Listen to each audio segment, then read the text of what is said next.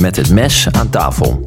De chirurgische podcast waar we een blik achter de schermen werpen bij de top van ons vakgebied.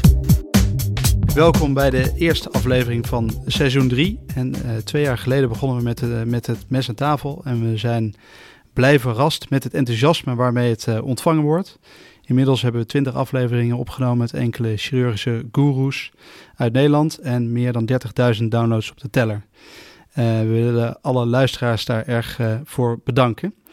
Uh, komend seizoen staat er weer een gevarieerd menu voor u klaar. Zo gaan we praten over endovasculaire technieken, melanoom, de geschiedenis van de chirurgie, heupfracturen en kinderchirurgie. En ook zullen we praten met uh, mensen van het MMT op de traumaheli, liesbreuken, longchirurgie. En we zullen ook gaan praten met mensen die gestopt zijn met de chirurgie. Is er ook nog een leven na de OK?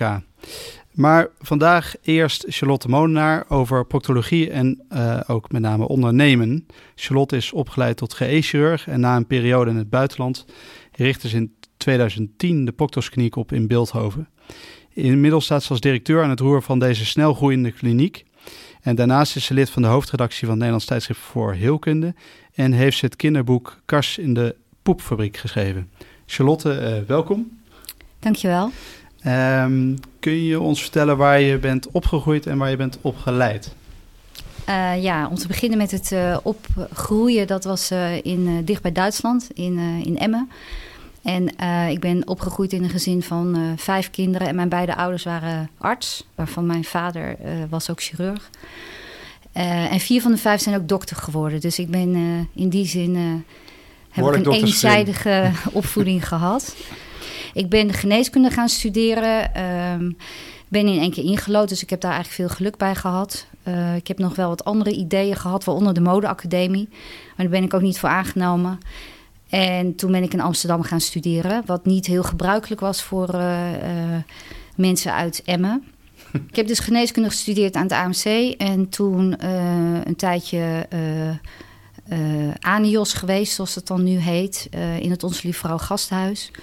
En het jaar daarna ben ik uh, aangenomen aan de VU. En ik heb dus mijn opleiding gedaan uh, aan de VU. En het perifere gedeelte heb ik in Alkmaar gedaan. En toen ik klaar was, ben ik uh, nog een tijdje blijven hangen in Alkmaar. Toen ben ik naar het Ons Lief Vrouw Gasthuis gegaan in Amsterdam. Daar heb ik een tijdje gezeten, nou, onder andere bij Laurens de Wit, die erg goed was in de wippels. En um, ondertussen drie kinderen gekregen en op een gegeven moment op zoek naar een maatschapsplek. En toen kwam eigenlijk mijn uh, toenmalige levensmaatje, uh, die uh, kreeg een baan aangeboden in Barcelona. Nou, in Barcelona zat Antonio Lathi, laparoscopische goeroe. Dus ik dacht, nou ja, oké, why not? Dus toen zijn we inderdaad naar Barcelona vertrokken. Ja. en hoe was dat daar? Nou, dat was natuurlijk toch wel een stuk lastiger dan, uh, dan dat je van tevoren denkt. Um, ten eerste, uh, ik had wel een beetje Spaans geleerd, maar ik was al wel gewaarschuwd door uh, Miguel Cuesta. Die zei, ja, ze spreken daar Catalaans. Ik dacht, nou ja, dat zal wel, dat zal allemaal wel meevallen. Maar dat is echt zo en dat is natuurlijk toch wel een behoorlijk andere taal. Ja, ik ben daar eigenlijk een beetje begonnen ook wel met het idee om misschien nooit meer dokter te worden. Um, niet dat ik er zo naartoe ben gegaan, maar na een tijdje dacht ik, nou, misschien moet ik eerst eens een keer uh, gewoon wat ruimte geven aan mijn creativiteit. En in die periode heb ik inderdaad dat boek uh, geschreven. Kars in de poepfabriek. Ja, ik heb ook zelfs een opleiding voor prentenboekschrijfster gedaan. Uh, nou, en dat was op zich wel echt heel geinig om te doen. En, en zat je daar, werkte je in Barcelona ook wel aan de proctologie? Ehm, of was dat met name met die laparoscopie? Ja, met, met Lassie ben ik eigenlijk, daar heb ik wel veel mee samengewerkt, maar al vrij snel wel alleen maar de proctologie. Uh, nou, ik heb natuurlijk zelf drie kinderen gehad en ook de nodige uh, problemen uh, gehad op het gebied van de bekkenbodem met name. Um, ja, en dan denk je, hé, hey, dit is eigenlijk een gebied waar nog best wel heel veel te verbeteren is. En um, ja, toen heb ik besloten eigenlijk om me daarop te focussen. Onderwerp. Onderwerp. Onderwerp. Onderwerp. Van de week. Ja, en uh, nou ja, uiteindelijk dus je eigen kliniek uh, geopend. Daar gaan we straks uh, nog veel over horen, over het ondernemen in de zorg. maar eerst willen we graag met je praten over de proctologie. En dan in de Proctus Kliniek behandelen jullie hemorroïden, fistels, fissuren, prolaps en, en meer. Eerder spraken we al dokter Zimmerman over perianale fistels. Dus we gaan het met name hebben over hemorroïden. Um, ja, hemorroïden zijn soms slecht begrepen en een beetje ondergeschoven kindje. Bij de chirurgie hebben we het uh, gevoel. En ook huisartsen vinden de diagnostiek soms uh, lastig. Um, kun je ons kort uitleggen wat hemorroïden nou precies zijn? Ja, hemorroïden zijn in feite natuurlijk een uh, uitrekking van bloedvaten. En dat netwerk wat zich normaal gesproken gewoon bevindt net boven het anale kanaal. En wat een functie heeft, namelijk het hermetisch afsluiten van, van het anale kanaal. Ja, dus het, en, en als ze uitzakken, dan pas gaan ze problemen geven toch? Of is nou, uh, als ze uitrekken, dan komt er natuurlijk vaak een zwakke plek uh, in. En dat betekent dat ze ook makkelijker bloeden. Mm -hmm. uh, dus dat kan ook voor problemen zorgen. En vervolgens inderdaad, als er langer druk op staat... dan kan het de rest van het weefsel eromheen ook meenemen. En dan kan het ook inderdaad uitzakken, hè, wat we dan een hemorrhoïdale prolaps noemen. Ja. En we uh, hebben natuurlijk de graderingen, hè, waarbij de uh, hemorroïden die uh, prolaberen maar vanzelf weer terugtrekken. En degene die je handmatig terug moet duwen, uh, of degene die eigenlijk helemaal niet meer uh, te reponeren zijn. Ja, dat is respectievelijk 2, 3 en 4, eh, toch ja. wat je net uh, noemde. Klopt, ja. Uh, en wanneer wordt het nou klinisch relevant?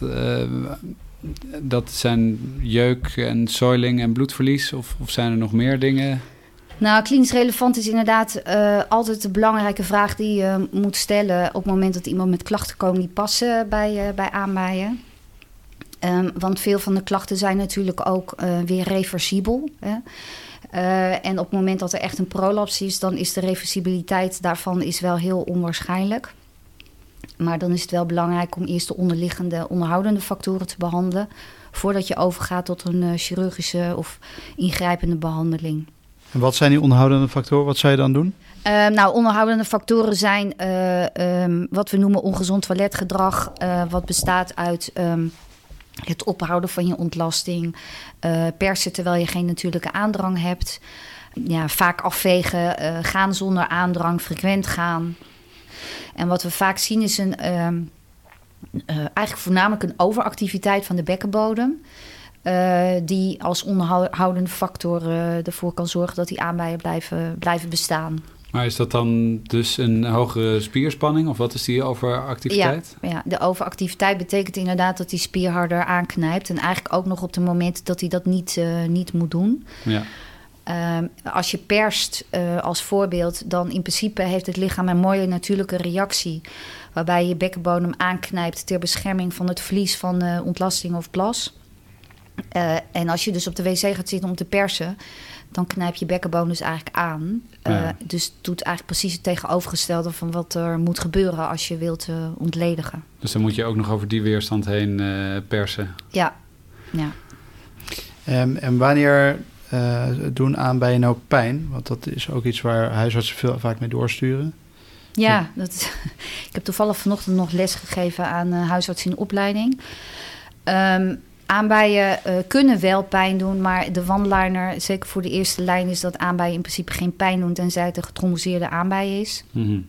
En wat we wel zien is dat aanbijen die op de linea dentata zitten, dus de overgang van de huid naar de mucosa, of aanbijen die steeds weer prolaberen en mensen terug moeten uh, duwen of uh, wel vanzelf terugtrekken, die kunnen ook echt wel pijnlijk zijn.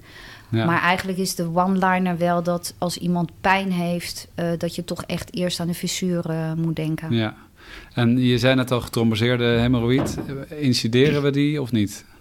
Ja, daar is volgens mij in principe de consensus over dat dat niet zou moeten.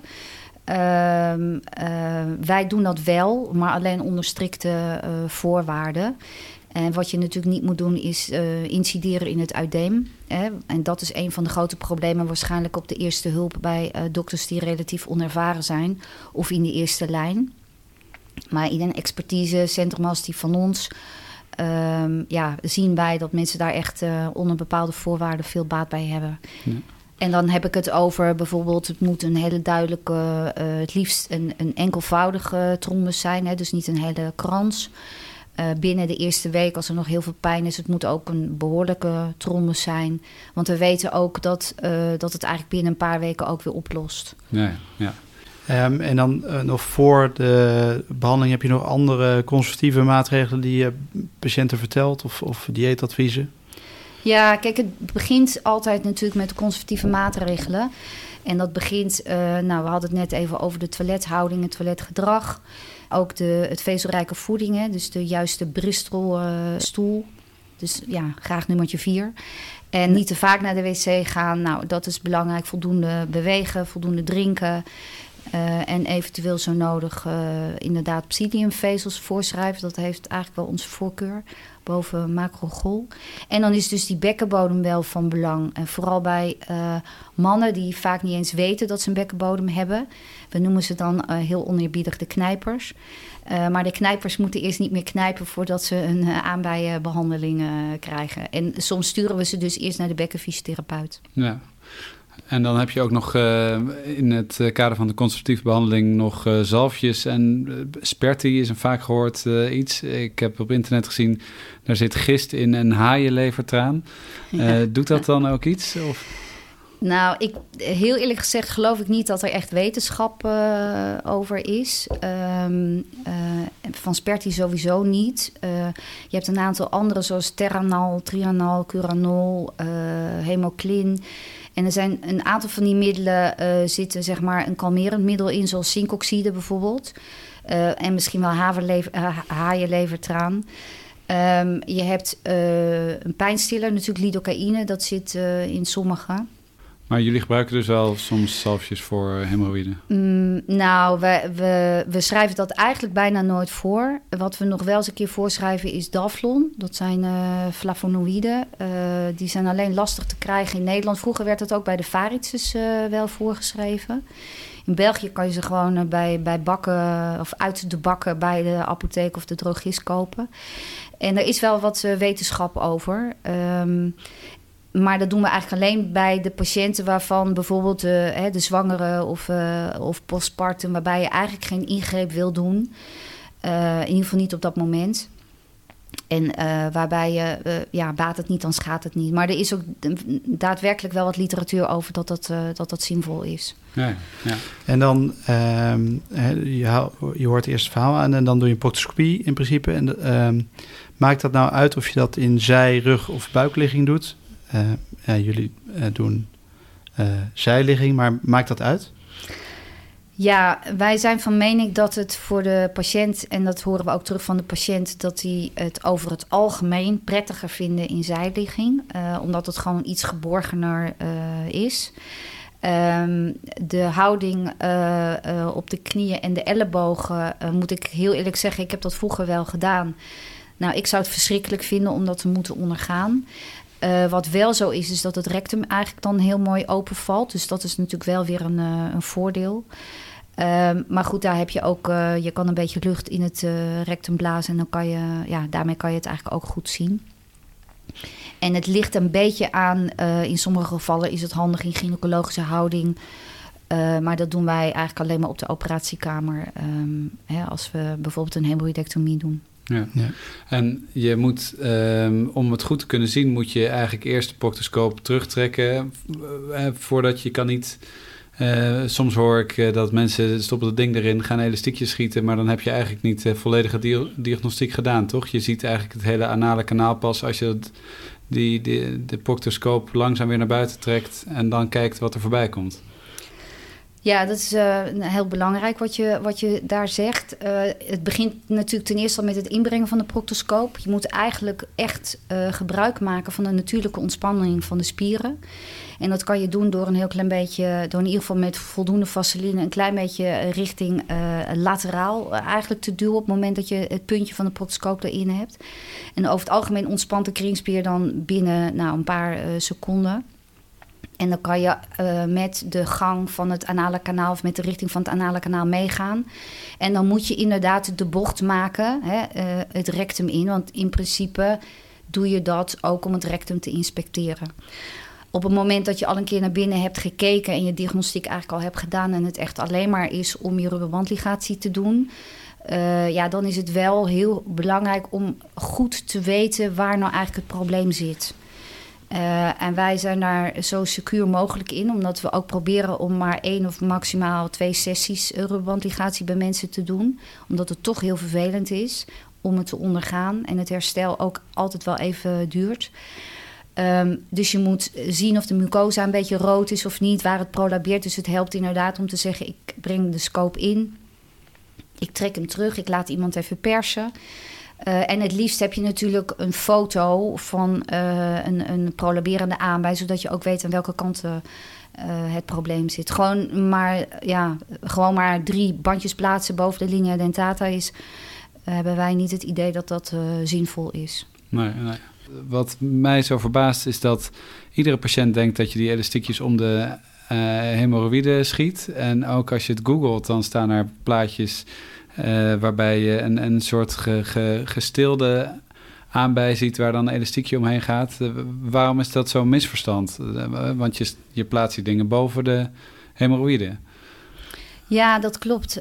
Um, ik denk dat ik precies weet welk plaatje je bedoelt.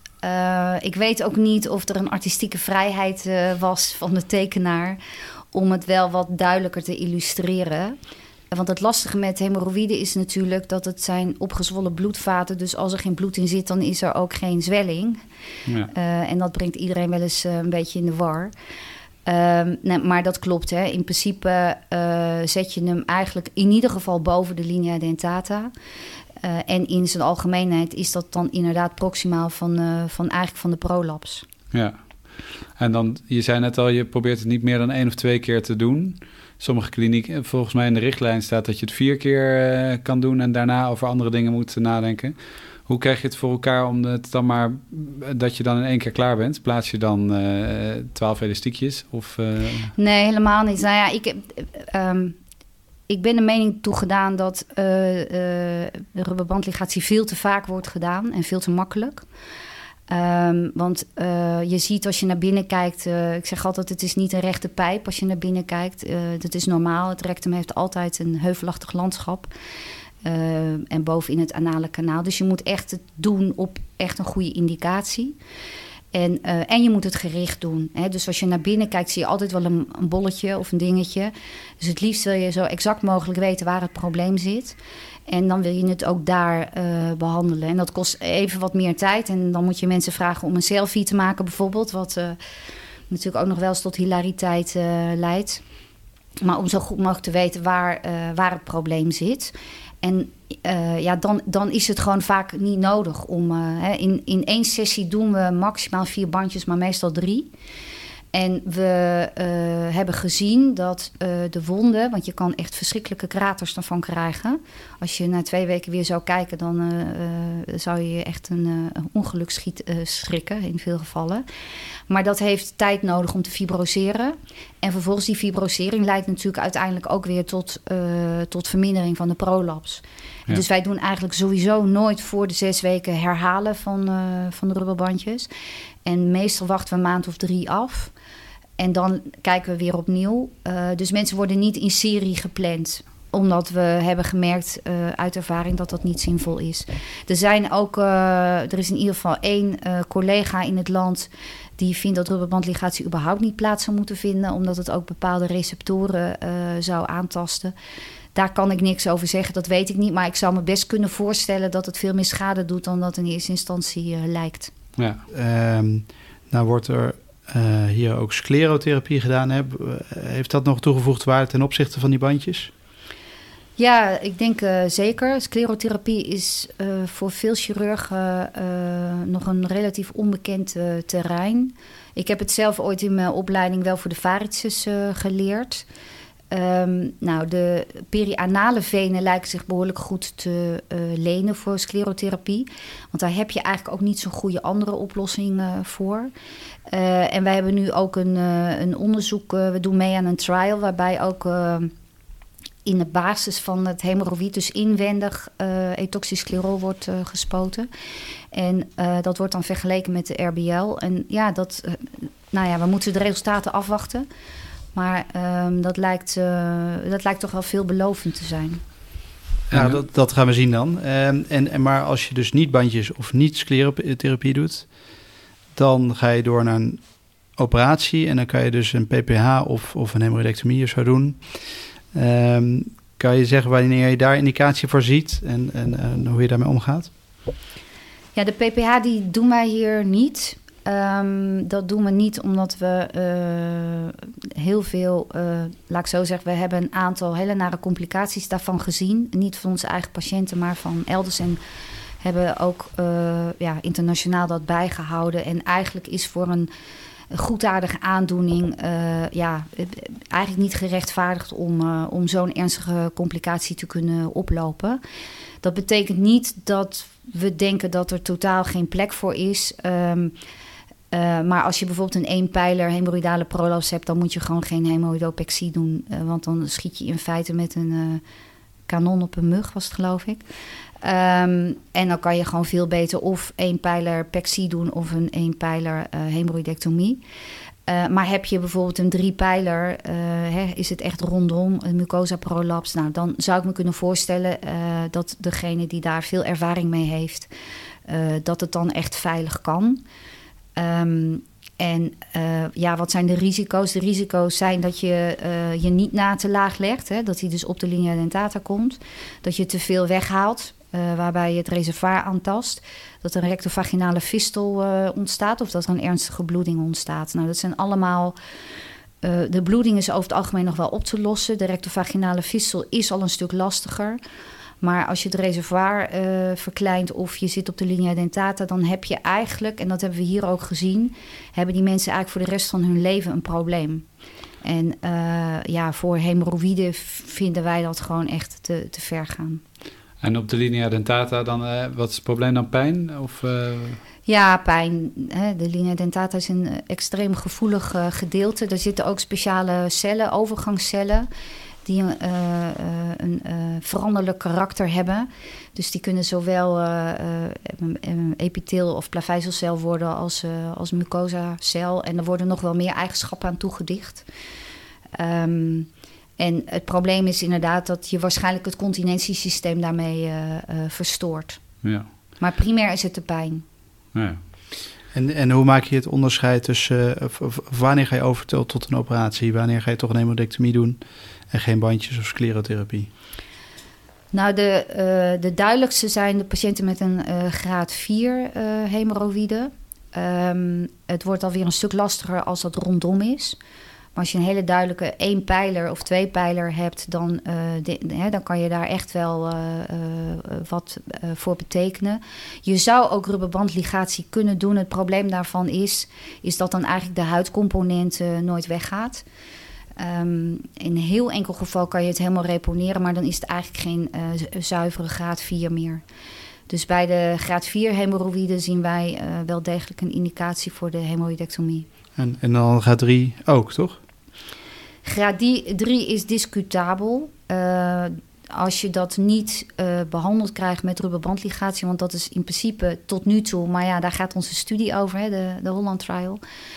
Um, is dat wel. Uh, de rubberbandligatie was eigenlijk altijd uh, de voorkeursbehandeling in eerste instantie. Uh, maar soms krijg je het daarmee niet, niet voor elkaar.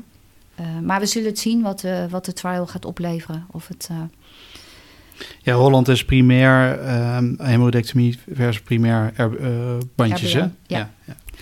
ja. Um, ik denk dat we het nu genoeg over de, over de aanbijen hebben gehad. Um, niet omdat dat niet interessant is, maar we willen het ook heel graag hebben over de kliniek die jij gestart bent. Um, en want je bent, je bent gaan ondernemen. Het is ook een hele succesvolle kliniek. Met uh, wijdverspreide bekendheid in Nederland. En het groeit nog steeds. Nieuwe vestigingen geopend. In Rotterdam en Amsterdam dit jaar. Dus een hele indrukwekkende prestatie. En nou, waarschijnlijk vol uitdaging. Uh, en daar willen we met je over praten. Hoe je dat nou doet. Uh, want wat zijn nou je eerste stappen geweest voor het opzetten van, zo'n, van, van deze kliniek? Ja, het is wel een beetje veel eer, eh, Tony. Nou, ik ben de gek goeie... geweest die vooruit is gegaan en er zijn, uh, er zijn mensen gevolgd. Want zonder iedereen die natuurlijk uh, hier werkt en zich inzet, waren we hier natuurlijk nooit gekomen. maar het is natuurlijk wel iets om, ja, om trots naar terug te kijken. Ja, hoe ben ik hierop gekomen? Ik ben wat dat betreft, ja, ik ben misschien een beetje vreemde eend in de bijt. Dat weet ik zelf ook nooit zo goed. maar ik ben al, ten eerste ben ik een autodidact met al vanaf vrij jongs af aan. En ben ook eigenlijk altijd wel eh, vrij ondernemend geweest. Hè. Ik heb bijvoorbeeld gala kleding gemaakt. Ik had dan een eigen labeltje. Ik vind het ook altijd leuk om dingen zelf te maken en zelf te doen. En ik heb in 1999, volgens mij, heb ik een businessplan geschreven voor een eigen borstkankerkliniek. Uh, omdat ik echt helemaal net te gek werd van het nummertjes behandelen in de VU zat ik toen. Daar werd toen de Sentinel Note, als in een van de weinige centra, werd dat gedaan voor mammacarcinoom. Ja, nu niet meer weg te denken, maar dat was toen in opkomst. Um, en ik, ja, ik dacht, het moet gewoon beter te organiseren zijn. Dus in die zin heeft het altijd wel een beetje uh, gekriebeld. de organisatie, dingen efficiënter doen. En ja, in Nederland, ik had dolgraag in het ziekenhuis gewerkt, zal ik heel eerlijk zeggen. Ik wilde dolgraag daar gewoon de proctologie naar een hoger level brengen. Ik, ja, maar dat, dat vond iedereen natuurlijk toch een beetje raar. Want dan moest ik eigenlijk toch ook de diensten doen. En dan moest ik alles weer doen. En toen dacht ik, ja, oké. Um, ja, daar had ik op dat moment gewoon uh, eigenlijk niet zoveel zin meer in. En toen heeft, heb ik samen met mijn toenmalige man Chris, die uit de zakenwereld kwam, zijn we de Proctoskliniek gestart. En, en hoe ging dat? Want je, je huurde een pand, zette daar apparaat neer. Heel concreet. Wat, uh... Nou, eerst heel veel zweten en zwoegen op uh, Excel uh, sheets. Om natuurlijk een businessplan. Ja. om eerst eens even te bedenken hoe, hoe, hoe, hoe, moet dat nou? Hoe zit dat in elkaar? en ik heb ook nog wel met een andere zorgondernemer erover gedacht om dat met hem te doen. Toen uiteindelijk toch niet. en ik kan nog de legendarische woorden herinneren van een van onze adviseurs. Die zei van het is toch geen rocket science? En toen dacht ik nou, let's do it. En we zijn natuurlijk klein begonnen. We hebben gewoon uh, hier uh, uh, eigenlijk twee spreekkamers, dus 90 vierkante meter was het. En richt je dan een, een BV op of een, een holding? Of, of hoe, hoe werkt dat, zeg maar, de bedrijfsvoering van zoiets? Nou, er is, de, er is een bureau die daar ook in gespecialiseerd is om je daarmee te helpen. Die heet de, de, de Zorgmakelaar. Inmiddels zullen er wel meer zijn, dus die hebben ons daar helemaal mee geholpen. Uh, en je hebt natuurlijk een vergunning nodig en die vergunning staat op de stichting. Dus je moet beginnen met de stichting uh, te openen. Uh, daar vergunning voor aan te vragen. En daar zijn natuurlijk allerlei eisen aan verbonden. En vervolgens doe je eigenlijk je, in ieder geval zo hebben wij het ingericht, al je, nou ja, alle zakelijke um, transacties, dus nou, personeel in dienst, alle inkoop, huur, dergelijke, dat, dat doen wij wel in een werkmaatschappij. En wat dan een BV is, inderdaad. En dat lijkt me best lastig als je vanuit de kliniek komt en je moet. Uh, je krijgt er natuurlijk helemaal niks van in je opleiding. Dus je hebt waarschijnlijk wel een enorme transitie doorgemaakt van, van een, een klinicus naar een, een, een, ja, manager of een bedrijfsvoerder. Uh, en dat. Maar dus als ik je zo hoor, dan zeg je, je vraagt gewoon hulp van, van verschillende partijen om jou daarin te begeleiden. En die zeggen dan, uh, nou, je moet deze structuur opzetten en uh, je moet dit zo en zo doen. Dat is hoe je dat hebt uh, aangepakt. Ja, en ik was toen natuurlijk, ik was toen ook niet alleen. Hè. Ik had Chris, die zelf ja, van oorsprong een registeraccountant, maar die was inmiddels ook algemeen directeur van een groot bedrijf geweest. Uh, die, dat betekent ook niet per se natuurlijk dat iemand iets weet van, uh, van juridische zaken, maar die was natuurlijk wel veel, uh, veel meer gewend. Ja. en ja, wat ik, ik denk het, wat ik het meeste heb geleerd, want hier kan je gewoon in laten adviseren. En als je dan nou, ook nog eens zelf wat kritisch meedenkt, dan kom je een heel eind. Um, van het hele financiële gebeuren. Ik denk dat ik, ik daar, daar zat zo'n enorme kennishiaat. Um, ik denk ook nog steeds dat we in ziekenhuizen, uh, maar ook hier, dat uh, de meeste dokters en zorgverleners, hè, dus alle, alle mensen die directe zorg leveren aan de patiënt, dat je eigenlijk geen idee hebt hoe groot het ondersteunend systeem is, wat je in de lucht moet houden om te zorgen dat je gewoon je werk kan doen. Um, want, want hoe kan je dat klein houden? Want je, je begint dus.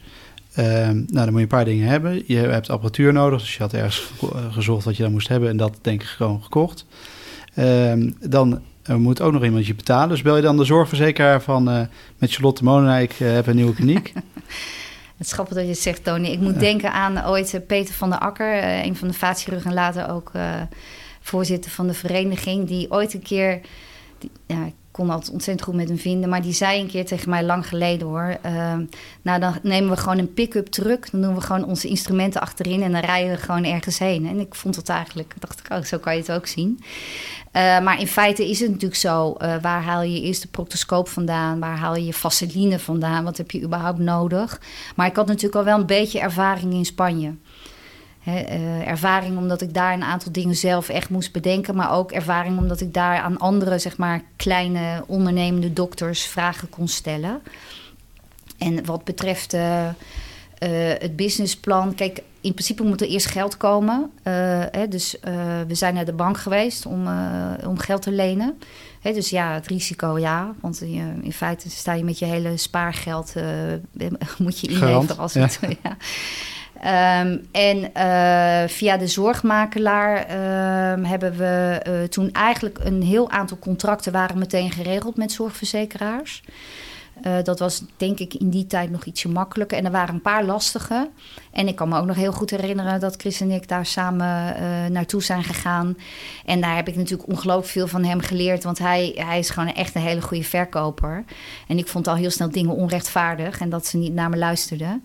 En dus moesten toch wel zien dat wij goede zorg leverden. Maar ja, daar, daar kom je natuurlijk niet zo ver mee. Um, dus we hebben, we hebben eigenlijk van begin af aan voor elkaar weten te krijgen om met iedereen een contract uh, te hebben. En um, nu we het er toch over hebben, die, die gesprekken met die zorgverzekeraars, zijn denk ik uh, jaarlijks belangrijk. Want nou, dat is gewoon je inkomstenbron um, of je onderhandelingsmogelijkheid. Hoe gaan die gesprekken? Is duurt dat heel lang? Zit je met altijd dezelfde? Is het echt een beetje zoals op de markt, dat, ze, dat je drie keer wegloopt en dan, uh, dan toch weer terugkomt. Hoe, hoe, hoe gaat zoiets? Bij sommigen wel, ja. nou, kijk, we hebben uh, gelukkig nu natuurlijk wel een naam. Uh, we hebben een bepaalde deel van de markt, denk ik. We waren op een gegeven moment waren we een soort van last resort geworden. nou goed, wat het dan ook is, dan heb je in ieder geval een functie in bestaansrecht. Maar zijn die tarieven nou ieder jaar anders? Of is dat maar net wat je afspreekt? Nou, de, de, waar je nooit helemaal goed uitkomt is de inflatie. Hè? Want ze willen altijd minder meebewegen dan dat wij vinden dat we moeten krijgen. Uh, en bijvoorbeeld afgelopen jaar is de CAO, ik geloof dat er uh, 3,5 of 4 procent loonsverhoging aan zit te komen. Ja, en dat krijgen wij niet terug in die tarieven. Um, en soms moet je wat dan heet een staffelkorting geven. Dus dan zeg je in november van nou we gaan over het budget heen. En zeggen ze nou we willen je wel wat extra geven, maar dan moet je de helft van de prijs afdoen. En dat gaat natuurlijk niet Totdat je zegt, nou ja, het is de laatste maand. Oké, okay, doe maar, want anders moeten we patiënten weigeren. Ja. Uh, en dat is, ja, dat is natuurlijk gewoon wel het laatste wat je wil. Maar het, het kan natuurlijk alleen maar als je wel een bepaalde marge hebt. Want ja, we hebben uh, uiteraard wel eens terug moeten betalen. En dat moeten we ook dit jaar weer. Um, maar goed, hoe meer patiënten je dan ziet, hoe meer ruimte je dan ook wel weer uh, heb je iets meer, zeg maar, spek op het bot. Dan, uh, en, en wat, zijn de, wat is waar die zorgverzekeraar naar, naar luistert? Want je hebt het natuurlijk over de aantallen. En dan heb je het over, een, je moet die prijs gaan bepalen. En waar hangt het dan van af? Is dat je kwaliteit die je levert? Of, of, of, waar gaat het uiteindelijk over?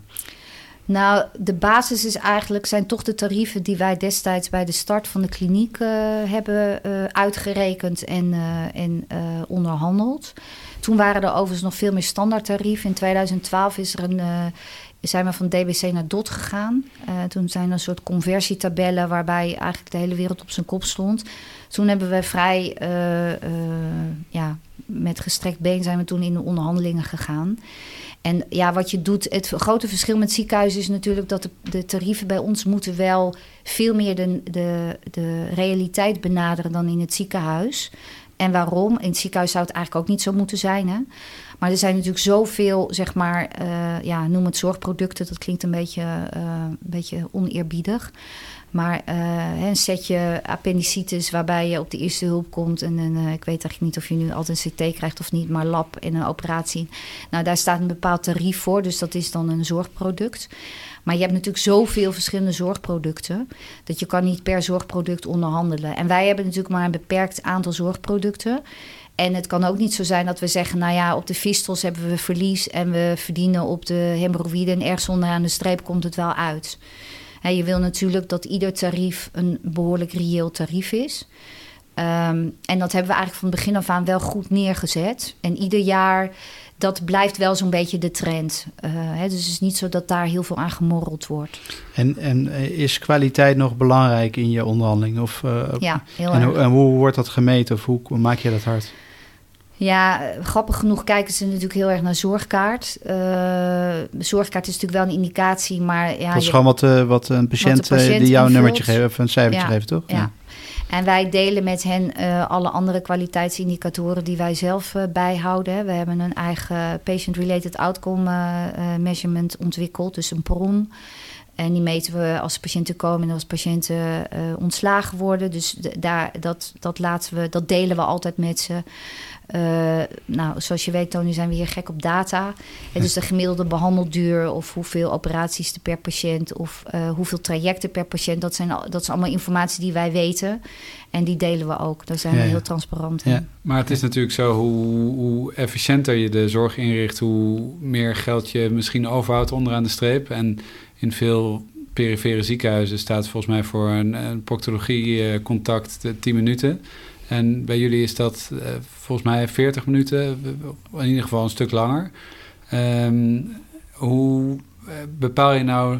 Ik kan me voorstellen dat op een gegeven moment het misschien aantrekkelijk uh, lijkt... als je denkt, nou weet je wat, we doen het niet 40, maar 20 minuten. Dan hebben we twee keer zoveel patiënten en dan verdien, verdienen we daar weer meer ja. mee. Maar dan moet je natuurlijk inboeten in de kwaliteit.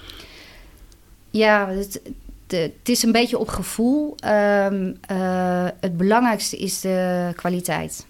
Het kan niet zo zijn dat je een proctoscopie doet bij iemand met een fissuur, omdat je denkt, ja, anders krijg ik niks voor dat consult. Als de wereld zo in elkaar zit, dan, uh, nou, dan, uh, ja, dan kan ik niet staan voor waar we voor staan. En dan ga ik gewoon bij de zorgverzekeraar rammelen om te zeggen, dit kan gewoon echt niet. Uh, wij hebben natuurlijk zo ingericht, en dat is denk ik anders dan in het ziekenhuis, is we hebben inderdaad veel tijd voor de patiënt, maar wij doen natuurlijk ook meteen de diagnostiek. Uh, plus dat het dezelfde dokter is. En dat levert heel veel extra kwaliteit op, omdat je. Nou, ik denk dat een ieder die opeens een spreekuur van iemand moet overnemen, wel weet dat het ongelooflijk vervelend is. Want je kent die patiënt niet, je weet niet waar het over gaat. En we hebben heel veel patiënten bij wie we eigenlijk nog één telefoontje hoeven te plegen. En dan kan je zeggen, ja, dan levert dat misschien relatief weinig op. Nou, dat valt wel mee. Maar je moet je ook voorstellen dat als je die patiënt niet vijf keer terug hoeft te zien, kan je op die vijf, tien minuten in het ziekenhuis dan misschien, vijf keer tien minuten, kan je weer een nieuwe patiënt zien. Ja. He, dus uiteindelijk win je ermee. Het is, ik vind primair is het de kwaliteit. Um, uh, dat, dat, dat, ik vind dat we daar altijd voor moeten blijven staan. En daarom is het, ja, je moet het niet gaan verwarren, vind ik, met, uh, met wat het financieel oplevert. Want in feite moet dat een afgeleide zijn van hoe jij denkt dat het idealiter moet zijn. Ja, ja. En um, dus één onderdeel is natuurlijk de zorgverzekering, daar hebben we het lang over gehad. En over de kwaliteit die je patiënten biedt. Maar hoe kom je nou aan je uh, patiënten? Want um, je kan bedenken, je wil dus meer patiënten naar je toe. Dus dan kan je bij huisartsen beginnen. Je kan ook zeggen, ik ben een verwijzingscentrum. Dus dan ga je bij andere ziekenhuizen beginnen. Hoe, hoe denk je daar nu over? Of wat doe je eraan om meer patiënten te krijgen? Of doe je er niks aan? Nou ja, nu doen we er niet zoveel aan, moet ik heel eerlijk zeggen. Um, maar dat is natuurlijk door de loop van de tijd uh, uh, is, dat, is dat ook wel anders geweest. Om te beginnen natuurlijk helemaal bij de start. Um, ik ben uh, op pad gestuurd. Flyers gaan uitdelen? Of? om langs de huisartsen te gaan. Ik vond het echt afschuwelijk om jezelf te verkopen. En bij de ene werd ik natuurlijk uh, vriendelijker ontvangen dan bij de, bij de ander. Maar ja, er is een missie. Hè? Dus de missie was wel... Ik geloofde heel erg in wat we, wat we doen en wat we uh, deden. Uh, en dat wil je, en dat mensen daar dan in eerste instantie een beetje raar uh, ja, tegenover staan hoe je dat dan doet. Ja, in zekere zin snap ik, dat, snap ik dat dan ook wel. Maar dat betekent niet altijd dat je je daarin prettig voelt. We hebben eigenlijk in het begin, uh, in oktober was het volgens mij 2010, hebben we, is er een groot artikel over ons in het AD verschenen. Daar heb ik niks voor gedaan, maar er was iemand die vond ons geweldig en die schreef. En dat heeft echt niet normaal veel nieuwe patiënten toen opgeleverd. En, uh, en we hebben, uh, ik geef eigenlijk ook al sinds heel lang les aan de bekkenfysiotherapieopleiding. En dus via de bekkenfysiotherapeuten. Dus zo is het een beetje begonnen. Nou, langzamerhand krijg je naamsbekendheid. We hebben eh, altijd heel veel gedaan aan onderwijs geven. We hebben hier nascholingen ook georganiseerd. Uh, en nu, ja, nu inmiddels geven we eigenlijk, uh, ik geef vast onderwijs in de LUMC uh, HAJOS-opleiding, dat is vier keer per jaar. De urogynecologie-opleiding, dat is één keer per jaar. We hebben hier heel regelmatig mensen rondlopen, die uh, fellows of AIOS of AIOS. Um, dus ja, zo langzamerhand gaat dat dan wel vanzelf, zou ik maar zeggen. Um, en we hebben nu, uh, doordat de patiënten niet zo goed meer terecht kunnen in de ziekenhuizen. Ik weet niet hoe dat nu is en of dat ook nog echt zo is. Maar in ieder geval hebben we sinds februari uh, vorig jaar gezien. En ik schrijf dat echt toe aan de COVID. Uh, dat we echt enorm veel meer nieuwe patiënten krijgen. En ook met eenvoudige klachten, wat op zich ook wel eens een keer prettig is. En ja, want het is een beetje begonnen als bijna tertiair dan verwijzen ja. zetten. Um, maar je hebt nu Amsterdam en Rotterdam geopend. En dan heb je weer een punt waarbij je weer moeite moet doen om patiënten te krijgen. Of is dat niet zo? En, en hoe doe je dat dan? Ja, voorlopig uh, nog niet. Um, maar de belangrijk, er zijn verschillende manieren waarop je uh, dat, dat kan doen. We hebben wel gemerkt dat, en dat doen we eigenlijk niet, uh, bijna nooit, maar we hebben het wel eens een keer gedaan als je een, dat heet dan een advertorial, dus een uh, uh, een stukje in een lokaal suffertje schrijft uh, met informatie. Maar daar betaal je dan wel voor. Maar goed, zo ziet het er niet uit. Dus het is niet een platte advertentie, maar gewoon een informatief stukje. we hebben in het verleden wel gezien dat dat, dat, dat wel snel vruchten, vruchten afwerpt. Maar dat... we willen natuurlijk met name ja, graag gewoon via, via, de, via de huisartsen. Um, de patiënten verwezen. Dat, dat moet ook trouwens hè, voor de zorgverzekeraars. Uh, maar dat het via, eigenlijk via de huisartsen komt. Dus dat is onze belangrijkste uh, doelgroep. De huisartsen. Huisartsen, ja. En, en, en, spreek je ook met de ziekenhuizen dingen of, of zeg je van verwijs naar ons of heb je een soort samenwerkingen of, of is dat niet iets wat speelt? Nou, dat zouden we wel heel graag willen, maar je komt natuurlijk altijd in de discussie uh, terecht van ja, maar. Over de centjes. ja, ja. En ja, ik heb daar wel zo mijn ideeën over. Um, hè, ik denk dat uh, je in ieder geval altijd uh, moet doen waar je goed in bent en waar het centrum uh, ook goed voor is uitgerust. Um, ik zie veel, ik hoor ook veel dokters die, die, die hard werken, altijd te weinig tijd hebben voor de patiënt. En ik vraag me wel af als je daar een slag in zou maken waarbij je. Um, wel de proctologie zou afstaan aan de centra. Er zijn natuurlijk meer hè, dan alleen wij. En niet alleen de proctologie, maar de zorg die je eigenlijk goed buiten het ziekenhuis zou kunnen doen. Uh, en dat je meer uh, tijd hebt eigenlijk voor, voor de patiënten waar je graag meer tijd voor wil hebben. Ik denk dat dat ook rendabel zou moeten zijn. Um, maar goed, daar heb ik nu zomaar niet een antwoord op. Maar dat is de, ik, wat ik al eerder zei. Het, het allerbelangrijkste vind ik altijd de kwaliteit uh, van de patiëntenzorg. Ja, en je had het net al over andere centra. Uh, is er veel concurrentie tussen ZBC's? Nou, de laatste jaren zijn natuurlijk wel meer spelers, uh, zal ik maar zeggen, op de markt gekomen. Zeker toen de varices vergoedingen of de vergoedingen voor de varices chirurgie werden verminderd. Zag je opeens dat een Centrum ook hemorroïden ging behandelen. Um, um, ja, en er zijn inderdaad meer um, ZPC's, concurrentie. Ja, de, ik denk het is weer niet zo druk bezaaid dat we elkaar echt, zal ik maar zeggen, in de weg zitten ik geloof wel dat wij uniek zijn in ons soort. Hè. Wij zijn het enige ZPC waar de chirurgen, voor zover ik weet, fulltime uh, werken. Dus niet in een ander ziekenhuis. Uh, en wat zoveel aan wetenschap doet. Hè. We zijn natuurlijk super trots op dat we nu twee zon- en wee-subsidies hebben binnengehaald. Um, en daar multicenter trials mee konden starten. Onze eerste promovendus zeg maar, leveren we zo binnenkort af. En daarnaast onderwijs vinden we ook super belangrijk. Um, daarmee, daarmee probeer je dus te onderscheiden van, van de andere centra die het er een beetje bij doen. Is dat dan je, je boodschap eigenlijk naar? Nou, wij zijn in die zin anders. We doen het niet om ons te onderscheiden. We doen het omdat we het belangrijk vinden uh, om aan de basis, dus om de kennis te verspreiden, de kennis te verbeteren. Uh, ja, gewoon om te zorgen dat de zorg voor de patiënt met proctologische klachten, gewoon in het liefst in de hele wereld, maar in ieder geval om te beginnen in Nederland, verbetert. En wie dat dan ook doet, hè, als het de huisarts is die opeens heel veel meer zelf kan gaan doen, dan is dat natuurlijk alleen maar uh, beter voor de patiënt, denken we. Ja, maar vanuit ondernemersperspectief is dat, is, is dat meestal anders. Want dan wil je onderscheiden ten opzichte van je concurrenten. Dat kan met prijs, dat kan met kwaliteit, dat kan op meerdere. Um, maar dat is, dat is dus eigenlijk nog niet echt nodig als ik het zo hoor. Want er, um, daar hoef je eigenlijk niet mee bezig te zijn. Je doet gewoon wat je, je probeert gewoon goed te doen en dan, en dan krijg je de patiënten wel. Ja, de, het is met name wel echt die innerlijke drive uh, op kwaliteit. Ja. Kijk, en als wij op een gegeven moment niet meer nodig zijn, dan gaan we gewoon wat anders doen. um, uh, nou, dat klinkt een beetje uh, uh, hoe noem je dat, lichtvoetig.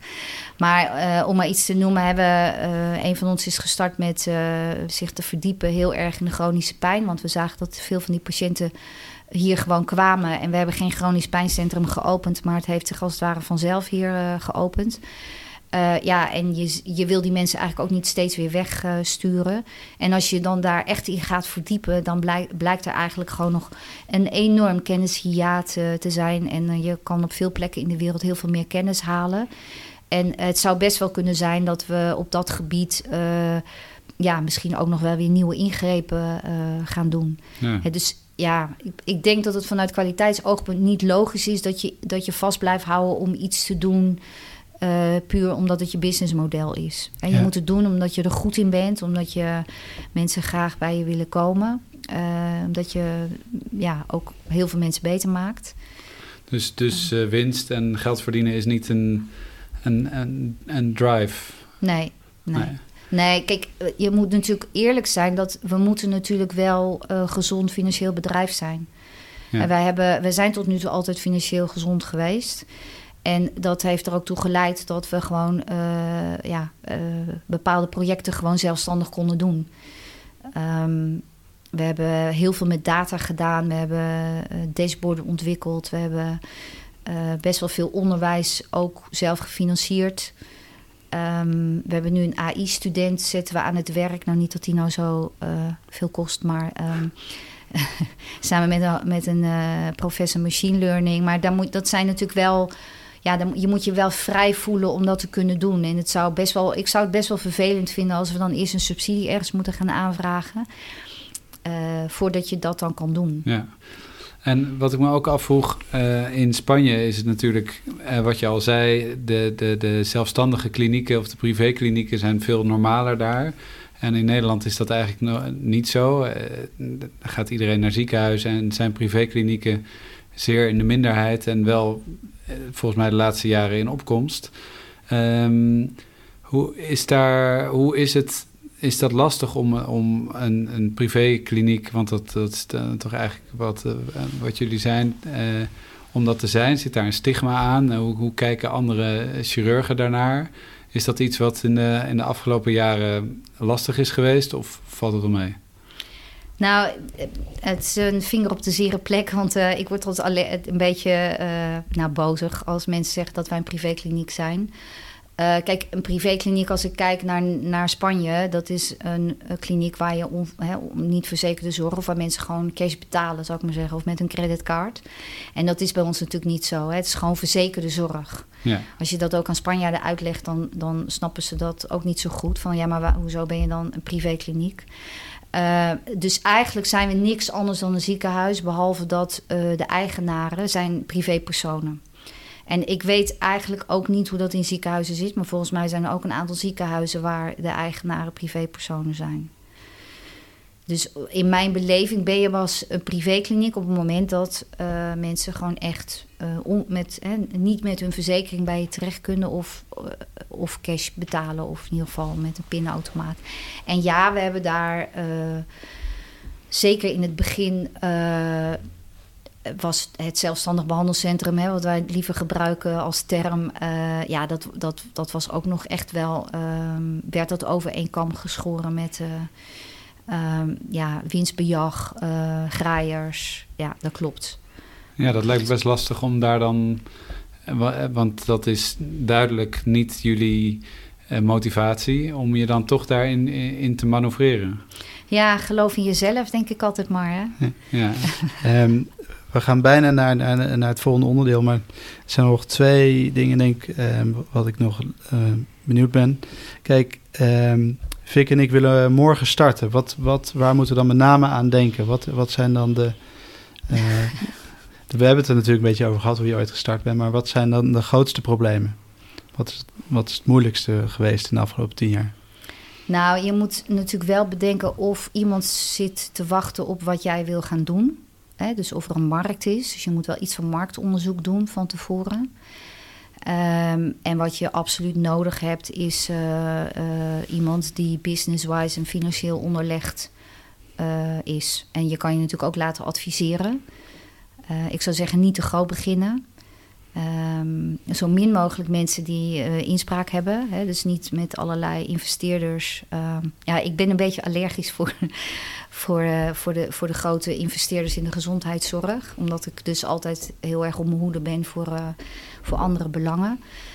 Wat ongetwijfeld niet altijd terecht is. Hè. Er zullen ongetwijfeld mensen zijn die echt de wereld mooier willen maken. Um, maar dat zijn, wel, dat, dat zijn wel de basisvoorwaarden. En je moet gewoon wel een houten kop hebben. Je moet gewoon wel echt met je kop door de muur. Willen doorzetten. Ja. ja. En dan um, voor mij ook voor de laatste vraag misschien uh, dat Fik nog wat wil vragen. Maar um, je bent nu ook sinds een jaar geen chirurg meer, of tenminste niet meer aan het werk. Wat doe je nu op een dag? Ja, ik ben nog steeds chirurg. Hè? Maar um, ik heb inderdaad de directe patiëntenzorg uh, uh, achter me gelaten. Hoewel ik nu wel uh, veel supervisie geef aan, de, aan de, alle jonge chirurgen die we hebben aangenomen de afgelopen tijd. En dus veel onderwijs geef. Dus om meteen een antwoord op jouw vraag te geven. Ik, ik doe heel veel nu aan onderwijs. Um, we zijn de Proctors Academy aan het opbouwen hier. Waarbij we enerzijds interne de opleiding voor zowel onze doktersassistenten als voor de uh, chirurgen en ook de verpleegkundigen aan het vullen zijn met uh, presentaties die we ook opnemen en um, um, ja, tutorials eigenlijk van handelingen. Dus dat uh, zijn we aan het, aan het doen. Daar, ja, dat kost best wel veel tijd. verder, ja, natuurlijk de aanname van de laatste paar weken leek ik meer een werving- en selectiebureau, had ik het uh, gevoel. Pers personeel is dus ook een belangrijk onderdeel van je baan. Ja, ja personeel is ook een belangrijk onderdeel uh, van mijn baan. We hebben een kliniekmanager die, die natuurlijk de operationele zaken doet. Maar ehm, ja, er is eigenlijk zoveel in zo'n klein bedrijf dat je altijd ook wel bij moet springen. En ik, ben, ik heb eigenlijk als belangrijk onderdeel communicatie uh, in mijn portefeuille. Dus eigenlijk onderwijs en communicatie en opleiding. Um, en uh, verder doe ik een aantal uh, controles. Dus um, op financieel gebied. En ik ben ook nog steeds heel erg betrokken bij de, bij de bestellingen, bij het beheer van de bestellingen. dus het is eigenlijk een beetje van, van alles wat. Ja. En um, ja, dat maakt het, moet ik zeggen, ook, ook heel leuk. En ik wil heel graag uh, de jonge generatie uh, faciliteren om eigenlijk hun werk in de spreekkamer gewoon goed, uh, goed te kunnen uitvoeren. Met natuurlijk als doel dat de patiënten zich goed behandeld voelen. Quick for. En de eerste vraag is: wat is je grootste passie buiten het ziekenhuis? Creativiteit. Okay. Is misschien een vrij breed woord, maar. heel breed, dus heel misschien breed. kan je het toelichten. Ja, uh, nou, ik moet zeggen dat ik het wel een beetje kwijt ben geweest, omdat ik zoveel gewerkt heb. Dus uh, anders zou ik, een paar jaar geleden zou ik hebben gezegd mijn kinderen. Mijn kinderen en sporten. Uh, Ehm, en ik ben nu de dingen die ik vroeger deed weer langzamerhand een beetje aan het oppakken. En ik merk dat ik daar wel heel veel plezier uh, in heb. Dus ik ben weer aan het piano spelen. Ik, ben, uh, ik wil eigenlijk graag een cursus gaan doen om weer, um, hoe heet het, Photoshop, om eigen tekeningen te gaan maken. dus dat wat betreft de creativiteit. Ja, leuk. Daar gaat mijn hart wel sneller van kloppen, ja. zeg maar. En ja, die vraag die kan je dus denk ik makkelijk beantwoorden. Vonden. Wat zou je dan doen als je geen chirurg was geworden? Ja, dat weet ik eigenlijk niet zo goed, als ik heel eerlijk ben. Um, als ik het over zou doen, weet ik niet. Want ik vond het echt best wel een hele pittige, uh, pittige periode. Um, maar ik vind het gewoon nog steeds wel echt een heel gaaf vak. Maar als je niet was geworden, was meer de vraag. Dus ja. volgens mij eh, denk je nou, dan aan kunstenaar of mode, modeontwerper ja, of zo. dat denk ik ook. Ja. denk ik ook. Architect misschien, nou, ik, maar... En welke tip zou je jezelf geven aan het begin van je carrière? Um, ja, blijf bij jezelf. Blijf dicht bij jezelf. Ja. En wat is de grootste verandering um, binnen de chirurgie geweest tijdens je carrière? Ja, laparoscopie, denk ik, toch? Ja, minimaal-invasieve chirurgie. Hè? Ja. ja. Duivelse dilemma's. Um, wil je meer centralisatie van zorg of meer bereikbaarheid van zorg? Bereikbaarheid. En je bent nu alle drie, maar als je er één moet kiezen uh, en, en, leven als uh, succesvolle schrijfster of onderneemster of dokter? Onderneemster. Um, nooit meer zwemmen of nooit meer dansen? Nooit meer zwemmen.